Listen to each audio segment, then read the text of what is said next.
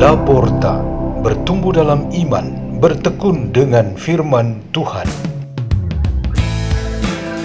Radio Laporta, pintu terbuka bagimu untuk pertumbuhan pengetahuan dan kebijaksanaan tentang Allah.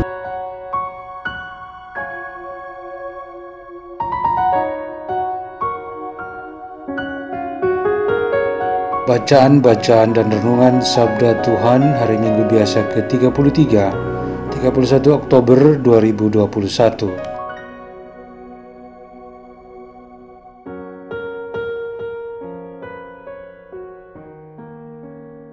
Bersama tim Laporta, asuhan Peter Tukan, biarawan SDB Salesian Don Bosco.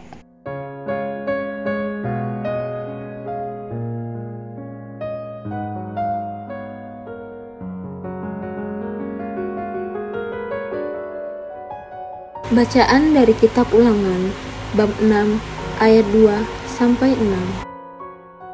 Sekali peristiwa, Musa berkata kepada bangsanya, Seumur hidup, hendaknya engkau dan anak cucumu takut akan Tuhan Allahmu, serta berpegang pada segala ketetapan dan perintahnya yang kusampaikan kepadamu.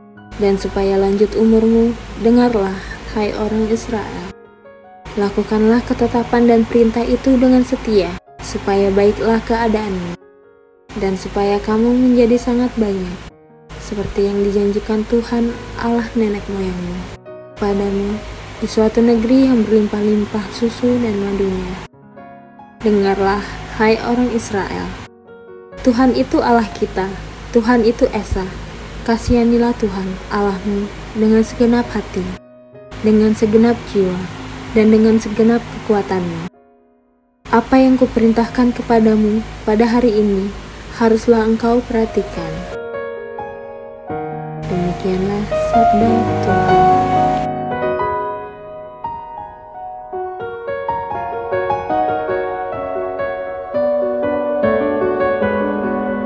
Pembacaan dari surat kepada orang Ibrani.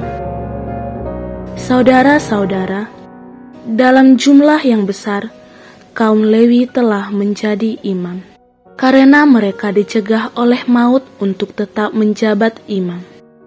Tetapi Yesus tetap selama-lamanya, maka imamatnya tidak dapat beralih kepada orang lain. Karena itu, Yesus sanggup juga menyelamatkan dengan sempurna semua orang yang demi Dia datang kepada Allah, sebab Ia hidup lestari untuk menjadi pengantara mereka. Imam agung seperti inilah yang kita perlukan, yaitu saleh, tanpa salah, tanpa noda, yang telah terpisah dari orang-orang berdosa, dan ditinggikan mengatasi segala langit, yang tidak seperti imam-imam besar lain, yang setiap hari harus mempersembahkan kurban untuk dosanya sendiri, dan sesudah itu barulah untuk dosa umatnya. Hal itu sudah dilakukan Yesus satu kali untuk selama-lamanya, yakni ketika ia mempersembahkan dirinya sendiri sebagai kurban. Hukum Taurat menetapkan orang-orang yang diliputi kelemahan menjadi imam agung. Tetapi sesudah hukum Taurat itu diucapkanlah sumpah yang menetapkan anak yang sudah sempurna sampai selama-lamanya menjadi imam agung. Demikianlah sabda Tuhan.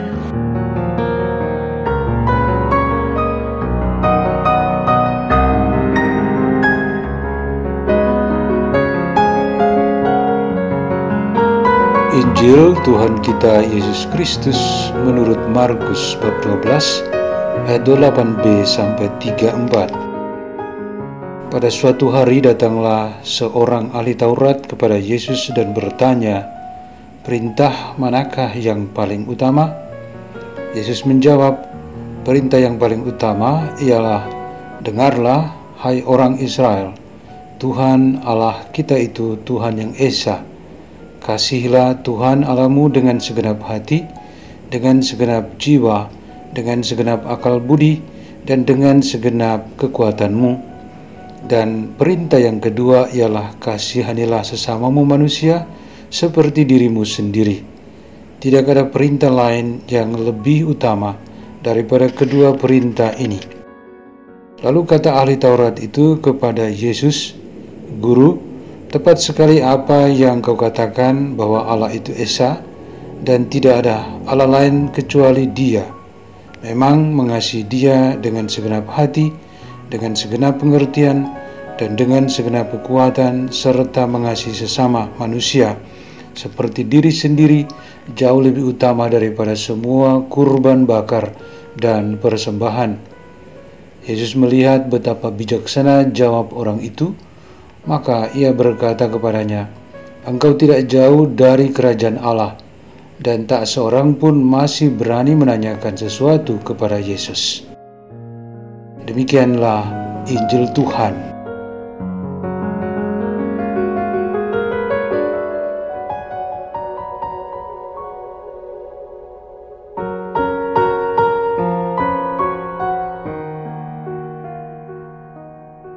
Tema renungan kita pada hari Minggu biasa ke-31 ini ialah perintah utama dan selamanya. Ada sepasang suami istri sering bertengkar dan saling mengancam untuk menceraikan pasangannya. Namun ketika anak sulung mereka mulai berbicara, suami istri itu langsung diam dan tidak ingin melanjutkan lagi pertengkaran. Anak sulung yang laki-laki itu selalu berkata, "Cinta Tuhan itu suci." jangan bermain gila dengan Tuhan.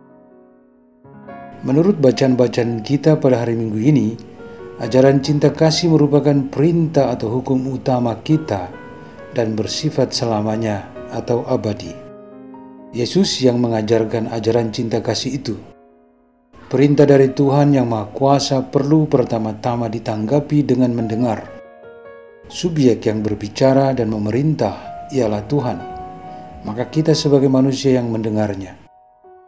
Musa sebagai nabi besar dan utusan Allah kepada umat Israel ingin menguatkan iman umatnya dengan meminta keteguhan hati mereka untuk setia kepada perintah utama tersebut. Ia menyerukan berulang kali, Dengarlah hai orang Israel. Jauh di depan, pada zaman Yesus dari Nazaret, seruan ini diulang lagi oleh Yesus seperti yang diwartakan dalam Injil hari ini. Dengarlah, hai orang Israel. Jelas sekali bahwa Tuhan membutuhkan perhatian kita untuk mendengarnya. Sebutan orang Israel merupakan simbol umat Allah yang mencakup semua orang yang percaya kepadanya, khususnya kepada kita yang percaya kepada Kristus.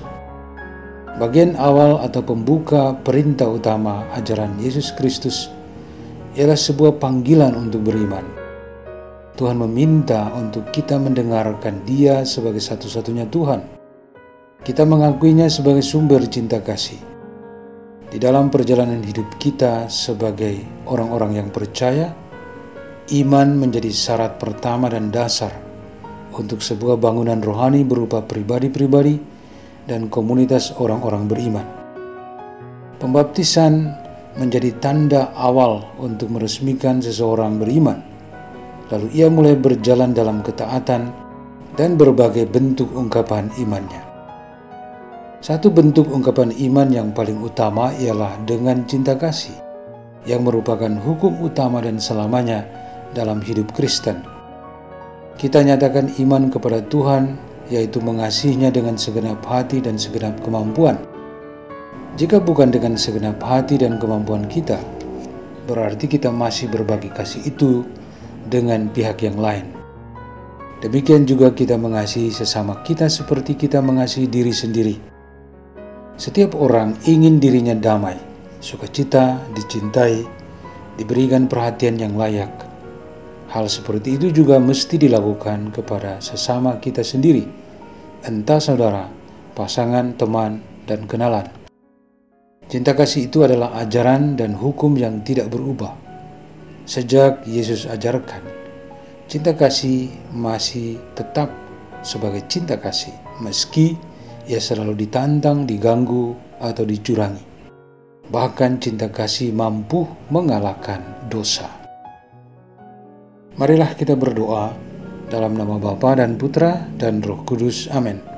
Ya Tuhan, semoga kami senantiasa hidup dengan dan dalam cinta kasih-Mu. Bapa kami yang ada di surga, dimuliakanlah namamu. Datanglah kerajaanmu, jadilah kehendakmu. Di atas bumi seperti di dalam surga. Berilah kami rezeki pada hari ini, dan ampunilah kesalahan kami. Seperti kami pun mengampuni yang bersalah kepada kami. Dan janganlah masukkan kami ke dalam pencobaan, tetapi bebaskanlah kami dari yang jahat. Amin. Dalam nama Bapa dan Putra dan Roh Kudus. Amin. Radio Laporta, pintu terbuka bagimu.